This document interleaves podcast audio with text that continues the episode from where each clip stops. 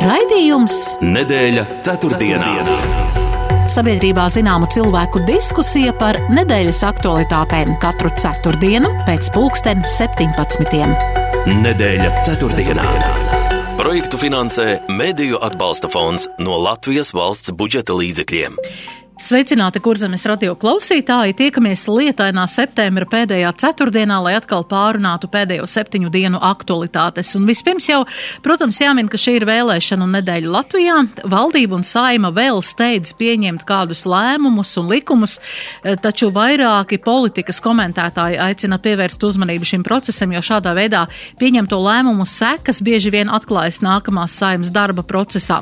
Vēl partiju dažādos veidos cenšas eh, katra partija partija atrast savu vēlētāju, bet jau pēc pāris dienām dzīvi politiķiem un visiem, kas ar vēlēšanām saistīti, atgriezīsies tādās mierīgākās sliedēs. Vakar un aizvakar mediķu arotbiedrība rīkoja protesta akcijas, lai pievērstu uzmanību nesakārtotajiem mediķu atalgojuma jautājumiem. Akcijās piedalījās vairāk kā 300 medicīnas iestāžu darbinieku. Aģentūrai Leta arotbiedrības priekšsēdētāja vietniece un streika komitejas priekšsēdētāja Līga Bāriņa pastāstīja, ka streika laikā veselības ministrs ir slavinājis sevi un nozari, nevis atbalstījis streikotājus. Tāds ir viņu viedoklis. Bet tikmēr izglītības darbinieku arotbiedrība parakstījusi vienošanos protokolu par čet, ar 14. saimas vēlēšanās startējošām partijām par apņemšanos pildīt izglītības nozarei dotos solījumus. Runājot par ārvalstu notikumiem, Krievija spērusi izmisuma soļus, izsludinot mobilizāciju un veicot referendumus okupētajās teritorijās. Rezultātus Kremlis paredz pasludināt rīt, bet tūkstošiem Krievijas iedzīvotāju bēg no Krievijas, lai izvairītos no mobilizācijas. Pie tam ASV, Bulgārija, Polija, Igaunija, Latvija aicina savus pilsoņus nebraukt uz Krieviju un to diezgan steidzami pamest. Šonadēļ arī atklāts gāzes vads Baltika Pipe, pa kuru Eiropai tiks piegādāta Norvēģijas gāze, bet tikmēr gāzes noplūdes konstatētas Nord Stream gāzes vados un notikušais liek arī Norvēģijai pastiprināt drošību savos naftas objektos. Šodien par kādiem tematiem parunāsim plašāk ar raidījuma viesiem un tie šodien mums ir Latvijas Universitātes Sociālo un Politisko pētījumu institūta vadošā pētniece Žaneta Ozoliņa. Labdien! Labdien! Un žurnāla ir žurnālists, komentētājs Pauls Raudseps. Labdien! Labdien! Prieks jūs satikt šodien Kurzemes radio studijā. Un ievad jautājums man būs šāds. Mēs šajā gadā atzīmējam um, prezidenta institūcijas simtgadi, un vakar Rīgā tika atklāta izstāde tā veltīta valsts prezidenta institūcijas simtgadei. Un man tāds jautājums, vai Latvijā šo simts gadu laikā šīs institūcijas nozīmība ir kaut kādā mērā mainījusies un vispār prezidenta loma uh, simts gadu laikā Latvijā. Sākšu ar jums, Ozoliņas kundze. Acīm redzot, ka atbilde šo jautājumu būs atkarīga no tā, uh, kurš būs tas uh, jautājuma interpretētājs. Jo, ja mēs sekojam ļoti strikti tam, kas ir ierakstīts satversmē, uh, tad vajadzētu pieņemt, ka katrs prezidents vairāk vai mazāk atkārto vienas un tās pašas funkcijas, kas šai satversmē ir noteiktas. Bet katrs prezidents uh, kalpo vai nu četrus, vai nu astoņus gadus, ja mēs runājam jau pēc neatkarības atgūšanas laikiem. Un katram prezidentam uh, iekrīt uh, klēpī tas laiks, kurā galu galā viņš uh, arī pilda savus pienākumus. Un tas laiks arī uzliek varbūt to specifisko zīmi, laika zīmi, dienas kārtības zīmi, ar kuru viņam ir jārēķinās. Un tāpēc arī ir tik ļoti grūti sniegt vērtējumu, vai tur ir bijis liels izrāviens, vai savukārt ir notikusi kāda bremzēšanās. Jo tā dienas kārtība ir atšķirīga. Un, protams, ka, piemēram, ja mēs raugamies uz Vairsvīgas Freibergas laiku, tad tā dienas kārtība bija ļoti skaļa, pārliecinoša, bija iestāšanās Eiropas Savienībā, NATO. Bija arī cīņa pret korupciju, pret oligarhu ietekmi Latvijas politikā. Nu, tad es varētu turpināt šo uzskaitījumu vēl un vēl. Uh, savukārt uh, Zatvers nāca, ies, iesoļoja Rīgas pilī tādā vierīgā laikā, un tad jau pēkšņi finanšu un ekonomiskā krīze, un tev jāsāk strādāt jau pavisam citā režīmā un pavisam pildot citus uzdevumus. Tāpat man šķiet, arī uh, Levita kungam stājoties amatā, šķiet, ka varēs runāt vairāk par demokrātisko vērtību, likumdošanas principu ievērošanu un tā tālāk, un tad tev lūdzu Covid, un tad tev lūdzu karš Ukrainā. Ja? kas atkal uzliek kaut kādu šo savu specifisko zīmogu. Tāpēc es domāju, ka no vienas puses labi, ka mums ir satversme, kura nosaka to ļoti precīzo rāmi, ietveru, kurā prezidents var darboties. Un mēs skaidri zinām, kā sabiedrība, kuri būs tie pienākumi un uzdevumi, kurus viņš veiks vai viņa. Un savukārt ir tā, tas laika zobs vai laika ritenis, kurš attiecīgi to prezidenta pienākumu virknējumu ievirza tajā gultnē, kur tā būtu attiecīgi šim laikam un pieprasījumam virzāma. Tā kā es teiktu, jā, nu, skatāmies no kādas skatu punkta mēs raugamies. Jā, Raucepaņa kungs, kāda jums ir šī uh, doma? Nu, šis, šis man ir sevišķi interesants jautājums. Es, man bija tas gods, ka man uzaicināja Nacionālajai enciklopēdijai uzrakstīt šķirkļus par prezidentiem pēc neatkarības atjaunošanas, izņemot Levitkungu, bet par pāriem es esmu uzrakstījis.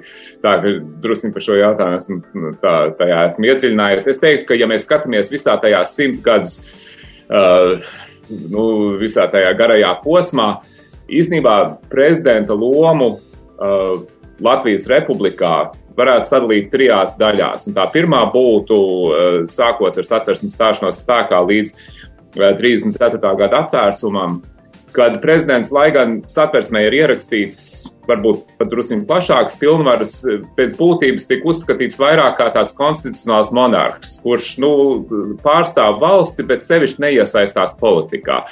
Un, uh, nu, tā. Varbūt, teiksim, kaut kāda vērtība nesējis, eh, bet, nu, nebija ļoti aktīvs politikā. Tad, protams, nāca 34. gads.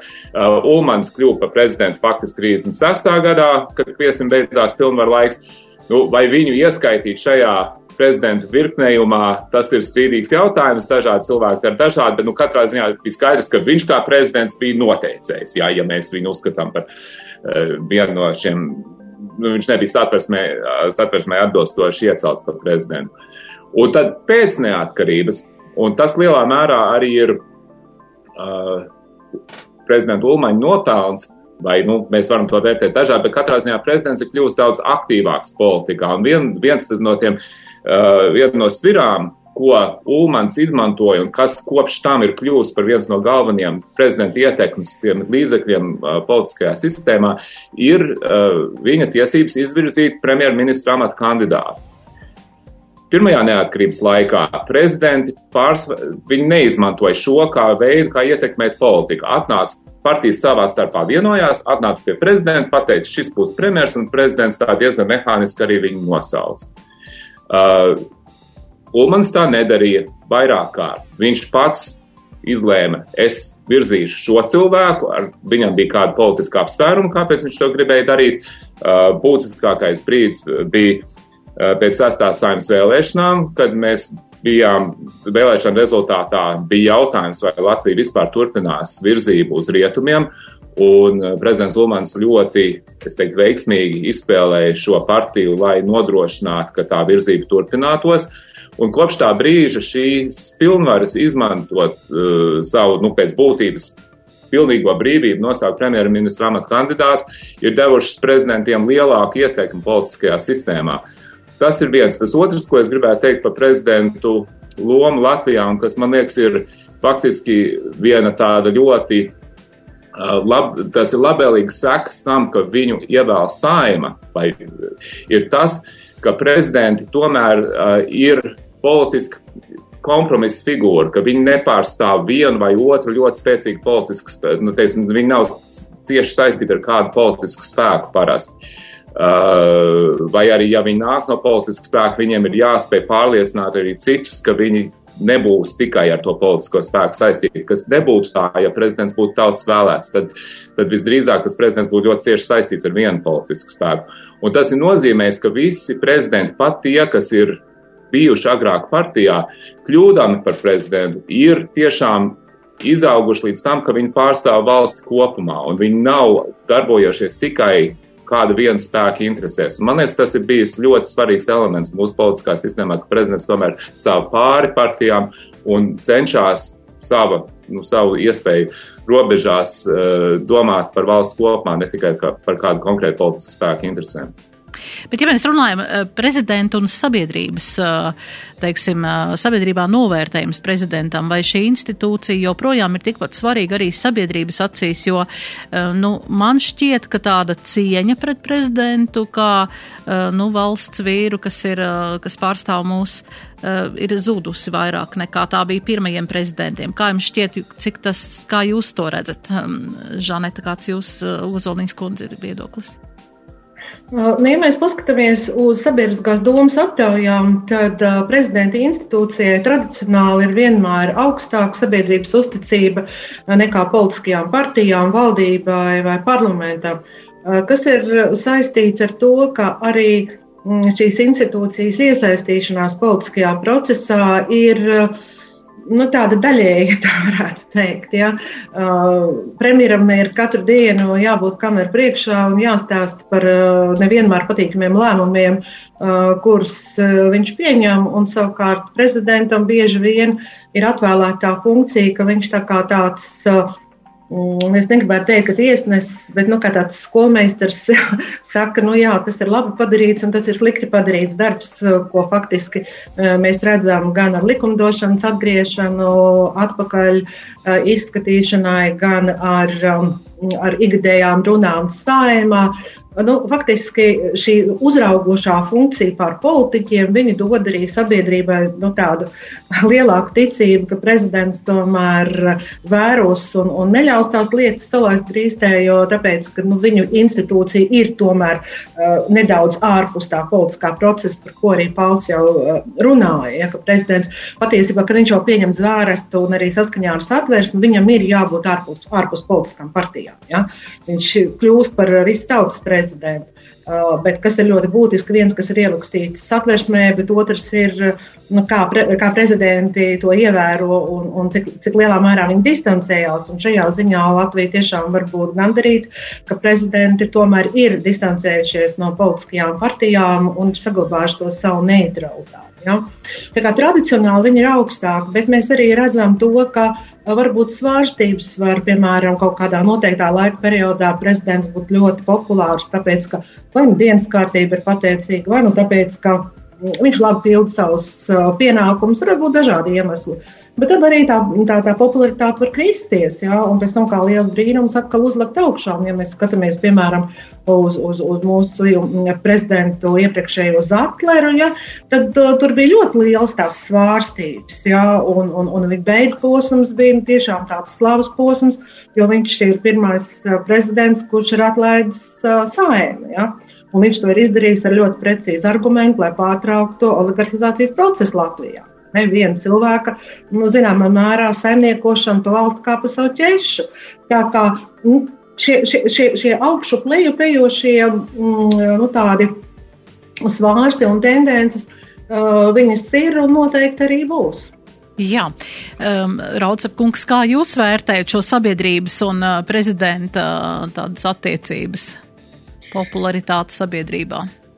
Es piekrītu Žantei, ka tās ir svārstīgas, un tas ir eh, bijis redzams visu prezidentu reitingos. Uh, bet prezidenta institūtām nāk līdzi, man liekas, tāda dabiska, tāda popularitātes piešprits, ja varētu teikt, cilvēki. Nu, cilvēki, cilvēkiem ir dabiska vēlme, teiksim, cienīt prezidentu, un tas, man liekas, atspoguļojas arī reitingos parasti. Es teiktu, ka tas ir, man atklājas piekritīs Žanetei, ka tas ir lielā mērā kaut kādu apstākļu noteikts. Ja. Ir, ir zināma apstākļi, kur prezidentiem ir jābūt aktīviem, un viņi tādi ir, un tas ceļ popularitāti. Citos gadījumos prezidenta vai subjektīva vai objektīva iemesla dēļ uzskata, ka šī uh, nav tie brīži, kad viņiem būtu jāiesaistās. Un pēc būtības atbilstoši satversmei, ja teiksim, prezidenta loma ikdienas politikā ir minimāla. Nu, tikai tik, cik varbūt izska, nu, cik izskatīt likumus, un, ja ir kaut kādas sūdzības, viņas atdot otrreizējā caurlūkošanai saimā. Bet, eh, ja principā prezidents uzskata, ka valdība un saima strādā labi, tad nu, viņam arī nav sevišķi daudz ko darīt. Un tad līdz ar to nu, varbūt uh, cilvēki vai daļa sabiedrības, kas varbūt tā neuzskata, var teikt, nu, jā, nu, mēs gribētu kaut kādu aktīvāku rīcību, bet nu, tā ir arī prezidenta izvēle. Un pēc būtības es saku, ja mēs atgriežamies pie pirmās pie pirmā neatkarības posma tieši tā arī prezidenti rīkojās. Viņi bija ļoti, nu, tādi atturīgi. Viņi neiesaistījās politikā sevišķi aktīvi. Jā, pie Latvijas politikas mēs noteikti atgriezīsimies raidījuma beigās, parunājot par vēlēšanām, kas būs jau pēc pāris dienām, un arī šobrīd jau notiek ar iepriekšēju balsu noti, nu, nodošanu eh, glabāšanā. Bet, ja mēs runājam jā, par prezidentiem, tad mēs zinām, ka Krievijas prezidents ir spēris izmisuma soļus, un tā ir mobilizācija Krievijā un arī šie pseido referendumi, kā tie tiek dēvēti, un katrā ziņā startautiski šīs teritorijas netiks, protams, atzītas par Krievijas teritorijas daļu bet jā, šādi izmisuma soļi un, un šāds pavērsiens Krievijas politikā, kā jūs redzat atrisinājumu tam visam? Kurā brīdī mēs šobrīd esam un ko mēs varam sagaidīt? Kā jūs to redzat? Sākšu Ozoliņas kundze ar jums. Es nekādā gadījumā nepiedaru pie tiem ekspertiem, kas uh, spekulē un mēģina būvēt kaut kādus scenārijus, uh, kā šī situācija atrisināsies. Jo ir ļoti daudz tā saucamo nezināmo, vai arī kaut kādu zināmo nosacījumu kopums, kurš var sasumēties kaut kādā tādā uh, salikumā, ka tikpat labi mēs varētu pieņemt, ka varētu būt uh, samērā ātra uh, prezidenta nomaiņa, kas būtu pat iespējams saistīta ar kaut kādu iekšējo uh, apvērsumu, bet tikpat labi mēs varam runāt par to, ka Putins turpinās sēdēt savā bunkurā ilgu laiku un terorizēt gan savus iedzīvotājus, gan nogalināt Ukraiņas iedzīvotājus. Tie scenāriji var būt ļoti dažādi. Ja? Bet es domāju, ka, ja mēs tā vērojam mm, notikuma attīstības gaitu, ir tādi vairāki, manuprāt, būtiski mm, šīs situācijas nu, rādītāji, stūrakmeņi, ja, kam ir vērts pievērst uzmanību. Un, ja mēs skatāmies uz Krievijas situāciju, tad uh, tas lielais jautājums, manuprāt, nav tik daudz par Putinu. Jo, ja nebūs Putins, viņa vietā nāks ļoti līdzīgs kaut kāds viņa aizstājies, uh, un kas turpinās varbūt mazāk vardarbīgā, bet jebkurā gadījumā vardarbīgā veidā to, ko ir uzsācis Putins un, un, un tās lielās cerības, kas būtu saistītas ar prezidentu mājiņu, viņas nepiepildīsies. Tāpēc tas tās, tā nomaiņa Kremlī, manuprāt, nu, ir svarīga, bet viņa nav uh, pati svarīgākā. Daudz būtiskāk ir tas, kas notiks pašā Krievijas sabiedrībā, Un tādēļ es nepiekrītu tiem, kas saka, ka tas nav uh, Krievijas iedzīvotāju karš, tas ir um, Putina karš. Nē, tas nav tikai Putina un Kremļa karš, tas ir arī Krievijas iedzīvotāju karš. Jo tādēļ, ka tas, kā viņi sevi pozicionē pret notikumiem Ukrajinā, pret to, kāds lēmums pieņem Kremlī, tas norāda arī to, kāds ir nu, viņu uh, demokrātijas brieduma līmenis un vai viņiem vispār ir pieprasījums pēc demokrātijas. Un tādēļ man daudz, man svarīgāk šķiet vērot un analizēt to, kas notiek Krievijas sabiedrībā, mobilizācija šobrīd ir uzšūmējusi, ja ne masveida nemierus, tad tomēr tos protestus mēs dzirdam arvien vairāk, Un, un savukārt tas otrs ļoti būtiskais rādītājs ir Ukrainas ārkārtīgi lielā spēja pretoties gan militāri, gan sabiedrības ziņā. Tas, ko angļu valodā sauc par ziliens, ja? tas, ka sabiedrība ir nevis nu, vienkārši tāds Mm, cilvēku kopums, kas seko līdzi, bet kas pats individuāli uzņems atbildību par to, kas notiek valstī un rīkojas atbilstoši tam, lai nosargātu valstu un nosargātu sabiedrību. Un līdz ar to, manuprāt, ir ļoti svarīgi vērot arī šo Ukrainas um, brieduma, attīstības, pretošanās um, šo fenomenu, uh, jo, manuprāt, tas ir kaut kas tik unikāls un arī savā ziņā negaidīts, ko negaidīja ne Putins, ko negaidīja arī rietumi. Jo rietumi arī, nu tā jāsaka, sākot, sākotnēji bija diezgan ar tādu izlīdzinošu, uh, izlīdzinošu skatījumu uz to, kas notiek Krievijā. Nu, tur būs dažas dienas, un tad jau gan jau skatāmies. Uh, principā arī rietumi ir ļoti saliedējušies, un atbalsts Ukrainai ir ārkārtīgi liels. Un šobrīd notiek nu, tāda diezgan izteikta varētu teikt, globālā mērogā polarizācija. Tātad tās ir valstis un sabiedrības, kuras ir kopā ar Ukrainu un, un, un viņu atbalsta visos iespējamos veidos. Un tad savukārt tas, tas otrs pols uh, ir Krievija un kas ar to veidojās. Un šeit, protams, mums arī ir ļoti daudz nezināmo, kas ar to veidojās. Ja? Jo laikam to valstu, kas grib draudzēties ar tādu politiķu kā Putins, tādu ir ļoti maz. Ja?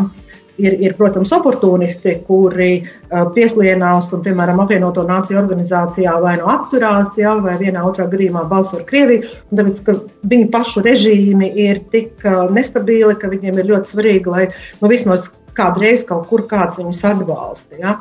Un šai polarizācijai, protams, arī var būt diezgan sāpīgas sekas. Tā kā, uh, manuprāt, tas cilvēks tajā Kremlī kā lēmumu pieņēmējs un iespējams pat lēmumu pieņēmējs uh, pat par kādu ļoti nelabu un negaidītu soli ir svarīgs, bet sabiedrība, manuprāt, ir daudz svarīgāka. Jā, uh, interesants ir arī šis Turcijas, šī Turcijas loma šajā visā procesā, jo, nezinām, Turcija ir NATO valsts, bet tai pašā laikā arī um, viņiem ir izdevīgi arī būt kā Krievijas kā partnerim, bet tai pašā laikā uh, Erdogans gan uh, nosoda, gan savā ziņā šīs, šīs sarunas cenšas, un arī šodien ir paredzēts uh, telefona saruna ar, ar Krievijas prezidentu, un jā, par Turcijas lomu varbūt Raucet kungs, kā jūs redzat šo visu. Jā.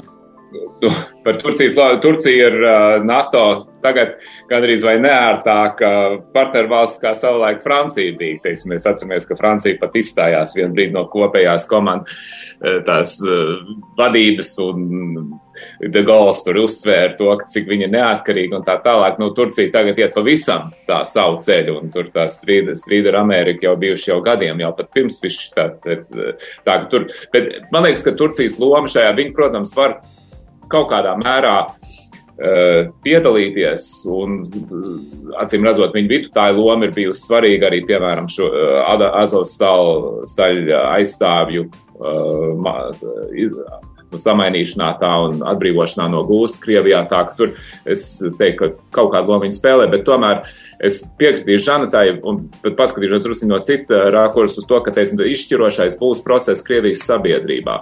Es nelieku liels cerības uz to, ka Krievija varētu tuvākā laikā pārtāpt par demokrātiju. Man liekas, ka tie, tu, tas cilvēku skaits, kas to tiešām pieprasītu, ir, nu, nevarētu teikt, ka viņš ir ļoti mazs, bet viņš ir sakoncentrēts lielajās pilsētās, Pēterburgā, Maskavā un, un um, arī, nu, vienkārši domāju, ka tā valsts ir pārāk liela un pārāk daudzveidīga šobrīd, lai viņu pārtaptu par pat par tādu demokrātiju, kādas, e, kāda bija Jēlcina laikā. Man liekas, ka tas mūs negaida. Bet drīzāk, kas ir, uh, nu, pa ko mums jādomā, un runājot arī ar rietumu dažādiem pētniekiem un ekspertiem, kas tagad sako tam līdzi, ir iziešanas process Krievijas federācijā pašā, kas var izpausties dažādos veidos. Mēs zinām, ka Krievija ir federācija, kas sastāv no ļoti daudziem dažādiem um, reģioniem un republikām un autonomiem apgabaliem un tā tālāk.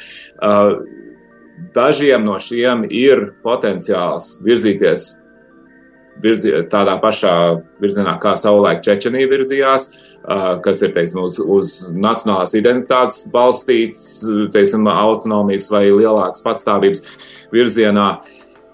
Bet jebkurā gadījumā arī Tālija Austrums, Sibīrija ir ar savu reģionālo identitāti, bet kas vēl ir ļoti svarīgi, ir, ka katrā no šiem reģioniem ir vietējās autoritātes, vai, tā, vai tas būtu gubernators vai kāds krimināls autoritāts, jeb, jeb, jeb, jebkurā gadījumā ir vietējie cilvēki, kur kaut kādā brīdī var just, ka viņi var sagrābt varu, atņemt lielāku patstāvību no Maskavas Un tas nenozīmē, ka viņi atdalīsies, bet katrā ziņā, ka, kad Kremļa ietekme par šo visu teritoriju kļūs aizvien um, čaganāka un viņi nespēs vairs vispār vadīt pār procesiem. Un šie protesti pret mobilizāciju, kas tagad notiek, iespējams ir pirmie tie ziediņi, tie, uh, kas rāda uz to, ka tā, šī valsts pat par sevi sāk ļodzīties. Un domājot par karu, Un šo procesu miedarbību, protams, to ir ierosinājusi mobilizācija. Teiksim, tas, un jo vairāk cilvēku sapratīs, un tas ir, manuprāt, diezgan neizbēgami, ka šie uh, vāji apmācītie, bieži vien fiziski negatavie vīrieši, kas tiek sūtīti uz, fro, uz fronti, ka tas viņiem nu, ļoti lielai daļai ir pēc būtības nāves spriedums. Un jo lielākā mērā Krievijas sabiedrība to apzināsies, jo lielāka būs pretestība pret šo mobilizāciju. Un tad no, sāks izcelties ļoti asi konflikti starp cilvēkiem, tā teikt, uz vietas un Kremli. Un kā tas viss tad, kad attīstīsies, man liekas, tas, tas ir viens no būtiskākiem procesiem, kas mums stāv priekšā. Un mums ir arī jārēķinās pašiem kā valstī, ka tas rezultāts var nozīmēt, ka mums par savu drošību būs jādomā vēl pat vairāk nekā esam to darījuši līdz šim. Jo pie šādas diezgan haotiskas situācijas aiz austrumu robežas uh, mums ir jābūt spējīgiem robežu kontrolēt un novērst to, ka tas haoss neatnāk arī pie mums. Jā, pilnīgi noteikti. Un kā mēs redzam, arī mm, dažādā veidā tiek ietekmēts arī nu, nāk rudens un apkurss sezona, un, un vispārējais kādam jau ir apkurss sezona sākusies uh, ar šiem uh, gāzes vadiem, kas notiek Baltijas jūrā. Uh, šī sabotāža, kas otrdienas vakarā parādījās, tikko bija atklāts šis te polijas jaunais gāzes vads, un patiesībā tādas kā varētu teikt, tādi bandītiski gājieni, nu, tas ir nu, diezgan tā, uh, nu, kā var teikt, tāds uh, apdraudējums, kam īsti nav ko pretī līdz šajā brīdī?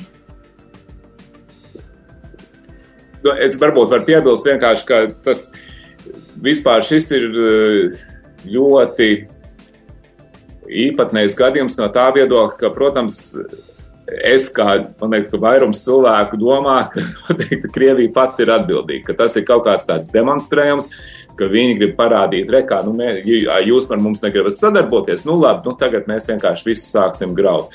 Bet no otras puses, uzspridzinot šos gāzes vadus, viņi faktiski uh, atņem sev iespējas mēģināt ietekmēt Vācijas un pārējo rietumu politiku nākamajos mēnešos un gados, jo, jo uz ko Putins varētu cerēt? Viņš varētu cerēt, ka kaut kādā brīdī Uh, salstošie rietumē Eiropieši izmisumā griezīsies pie Krievijas un teiks, labi, labi, mēs mazināsim atbalstu Ukrainai, tikai sāciet atkal pumpēt gāzi, jo mums ir nepieciešama jūsu lētā gāze. Un tagad pēc būtības tāda iespēja vairs nav. Ja? Vai vismaz par šiem cauruļvadiem. Ir vēl, protams, tie cauruļvadi, kas ved caur Ukrainu un caur Vāciju bet, uh, un caur Poliju, bet, nu, jebkurā gadījumā šie divi vairs neeksistē. Un tad līdz ar to ja tas ir signāls, ka, ka Kremlis ir nolēms, ka vispār viņi pār, nu, pārtrauc jebkuras iespējas pat turpināt sarunas ar rietumiem, ja tas ir tāds signāls, uh, tad uh, tas, teiksim, kādas varētu būt sekas, piemēram, Ukrainā. Um, uzreiz to bildi iezīmē nedaudz drūmāk, jo mēs jau zinām, ka, teiksim, ka diezgan bieži tagad uh, cilvēki pārspriež, ko Putins bija domājis ar saviem tiem uh, nesevišķi slēptiem draudiem par masu iznīcināšanas līdzekļu izmantošanu, ko viņš pieminēja savā runā pagājušajā nedēļā. Uh, nu, te ir jāreikinās, ka teiksim, izmisumā iedzīts diktators var arī rīkoties neprognozējami. Jā, ar to pasaule sāk rēķināties.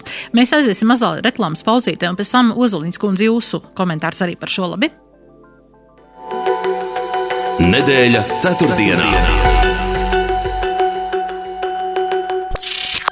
Sveiks, kaimiņ! Klausies, kā dzēnis kaļ kokus? Es jau pats arī kaļu. Kaļu plānus, ko iesākt ar mežu. Varu pateikt priekšā. Latvijas finieris iepērk cirsmas, meža īpašumus un finieru klučus. Latvijas finieris? Jā, tas ir uzticams un atbildīgs Latvijas uzņēmums, kas ražo vērtīgus saplākšņa produktus, ko pazīst visā pasaulē. Un izdevīgi būs arī man? Nu jā, Latvijas finieris piešķirs papildus vērtību taviem finieru klučiem, reizē garantējot ātru apmaksu un labu cenu. Ātru apmaksu un labu cenu? Jā, uzzini vairāk finierklucis.lv. Kad rudens saule iekrāso dabu pieklusinātos zelta toņos, ir īstais laiks sevi palutināt ar givenu rotaslietām no sarkanā, dzeltenā un baltā zelta un ļaut rudens saulei iemirdzēties tavās rotās.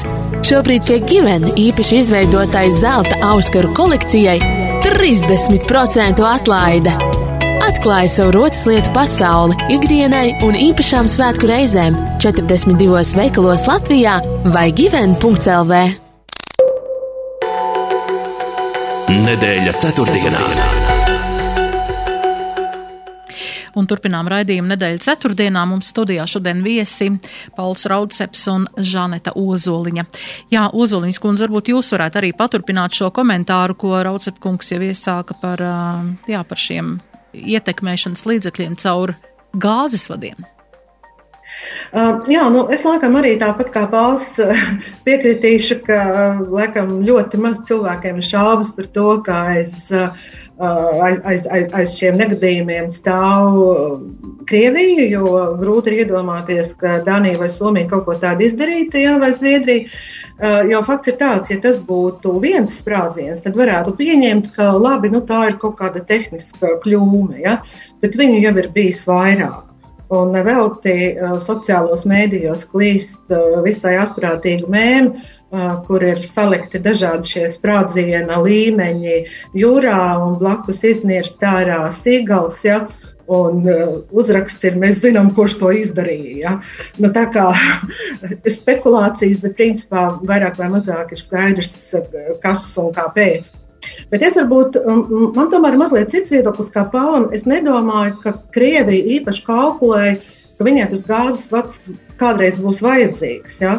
Jo šobrīd uh, jau tās attiecības starp Eiropas Savienību un Krieviju ir tik ļoti saspīlētas un tik skaidri formulētas, ka viss, ko dara Eiropas Savienība un virkni tās dalībvalsts, ir vērsts uz to, lai mazinātu šo gāzes atkarību no Krievijas, kas ir tik ilgstoši eksistējusi.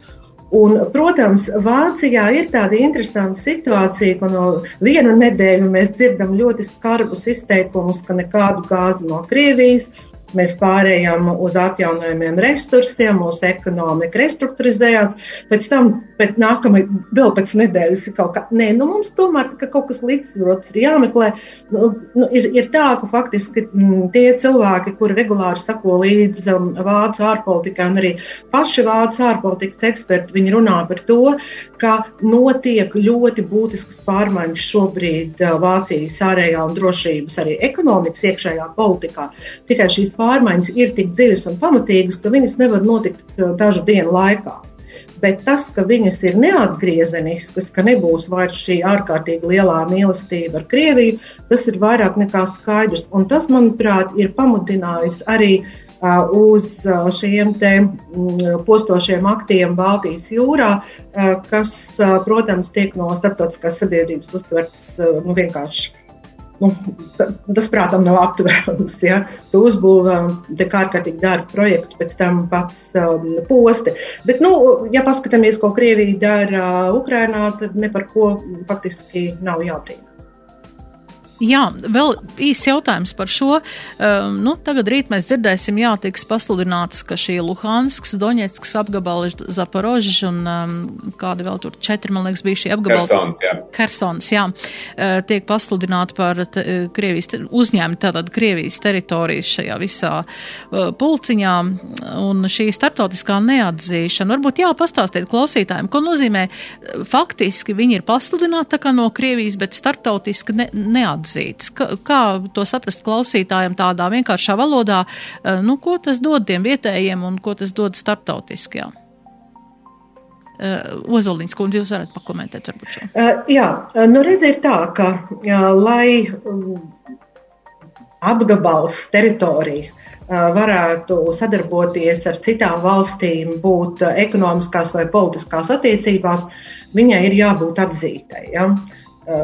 Tā var būt tikpat laba teritorija kaut kādas valsts ietveros, vai tā var būt arī neatkarīga teritorija. Ja? Bet tam valstiskumam ir jābūt starptautiski, vai nu, tai identitātei arī teritorijas ir jābūt starptautiski atzītai.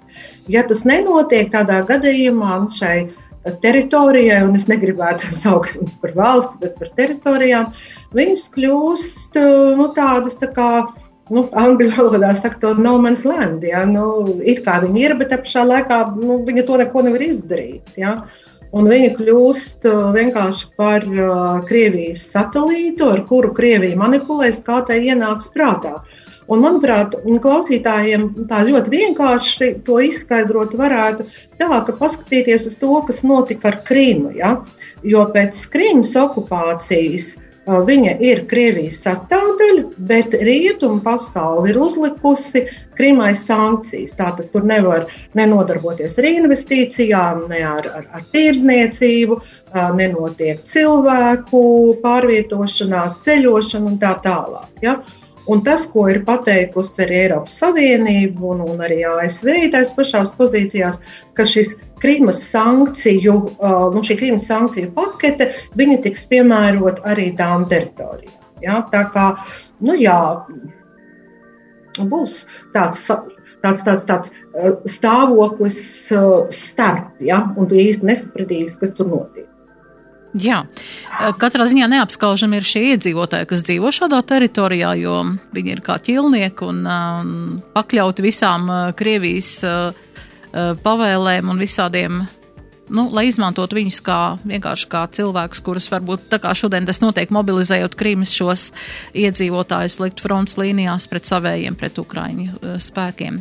Jā, tas ir bēdīgi, ka šādas lietas notiek un Bet, nu, katrā ziņā sekosim tam līdzi. Mēs tur neko daudz nevaram ietekmēt šeit runājot vai kaut kādā veidā, un sekosim līdzi un būsim tiešām pie savām uz, izvēlēm un arī sekojot sociālajos tīklos dažādiem materiāliem līdz skatīties, kas, kas notiek un kam ticēt, kam nē. Bet uh, pēc pāris dienām, jā, mums ir uh, vēlēšanas, vēlēsim 14. saimu.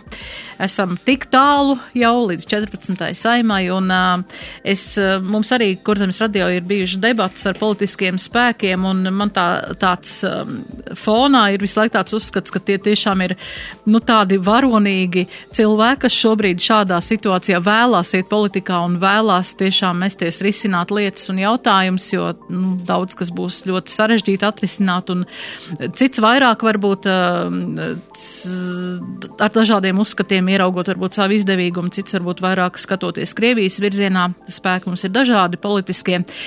Bet uztrauc tas, ka sabiedrībā ir maz šī aktivitāte un vispār šī iesaistījoties arī vēlēšanās šajā procesā, maz cilvēku tic tam, ka kaut kas varētu mainīties. Tāda ir tikai šķiet 38%, kas tic, ka viņa balss, ka viņš aizies arī parīt novēlēt, ka viņa balss varētu kaut ko mainīt.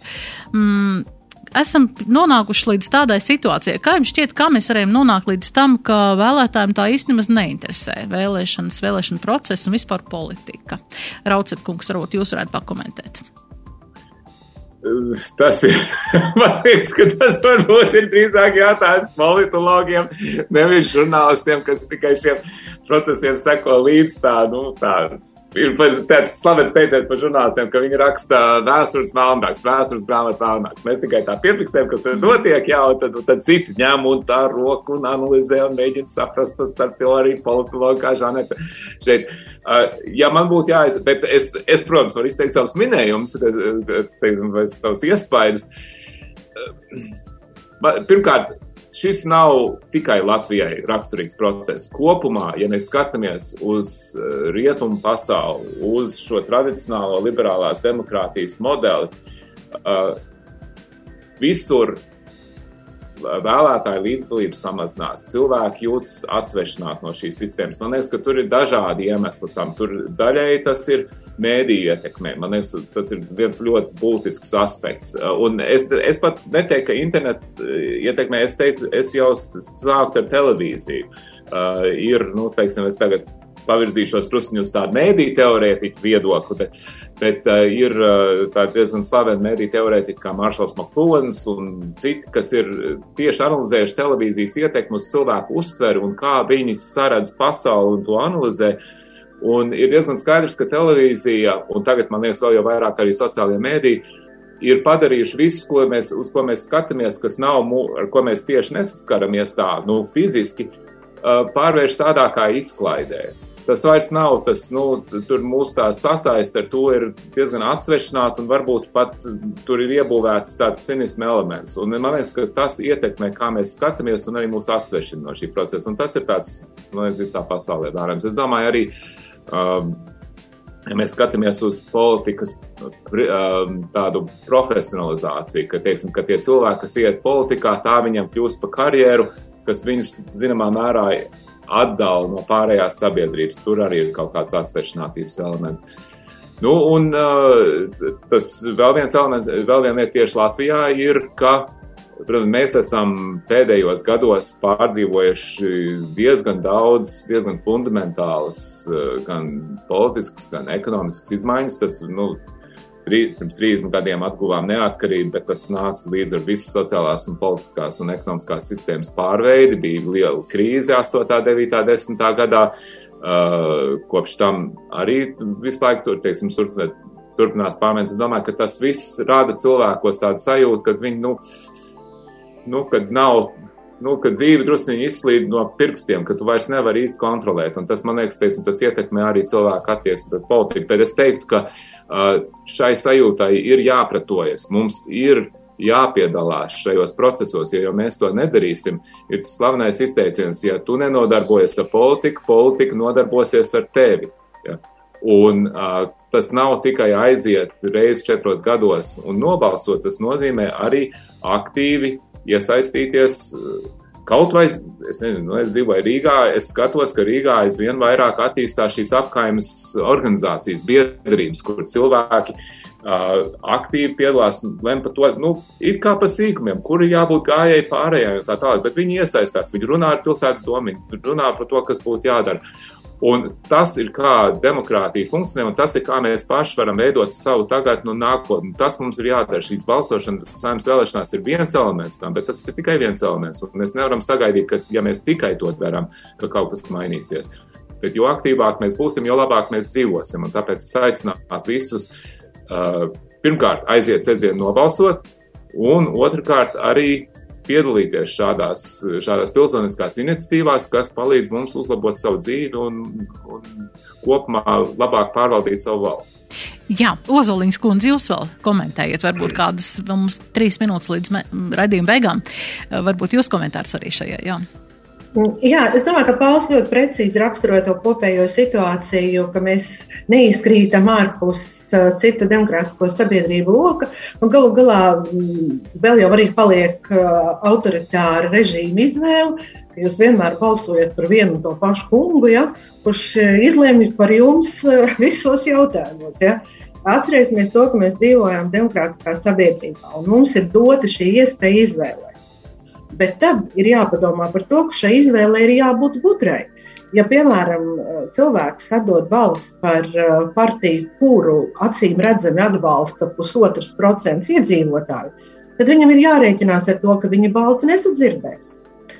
Ja viņš grib, lai viņa balss tiktu sadzirdēta, tad ir jāizdara tā izvēle šajā vienreiz četros gados, bet nākamajā rītā jau jādodas vai uz savu apgājumu, vai jādodas uz kādu profesionālo asociāciju, organizāciju, un tur jādara lietas demokrātiskā sabiedrība paģēra to, ka nevis simts gudras galvas jēkabielā lemj par to, kas notiek.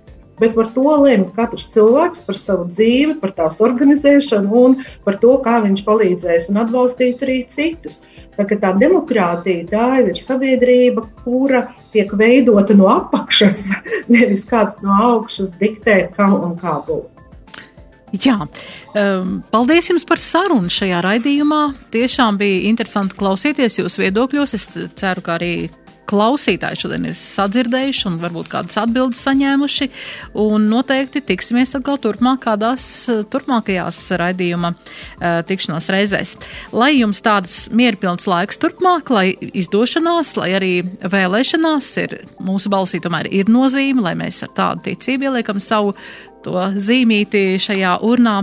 Un jā, teikšu jums uz tikšanos. Tātad raidījumā šodien piedalījās Latvijas Universitātes Sociālo un Politisko pētījumu institūta vadošā pētniece Žaneta Ozoliņa un žurnāla ir žurnālists komentētājs Pauls Rauceps. Raidījuma producente Anda Andersone pie skaņu pults bija mana kolēģe Adalīna Anna Ziemele un raidījuma vadies Dace Blūma. Uz tikšanos! Raidījums ceturtdienā. ceturtdienā. Sabiedrībā zināma cilvēku diskusija par nedēļas aktualitātēm katru ceturtdienu pēc pulksten 17. Nedēļa ceturtdienā. Projektu finansē Mēdīju atbalsta fonds no Latvijas valsts budžeta līdzekļiem.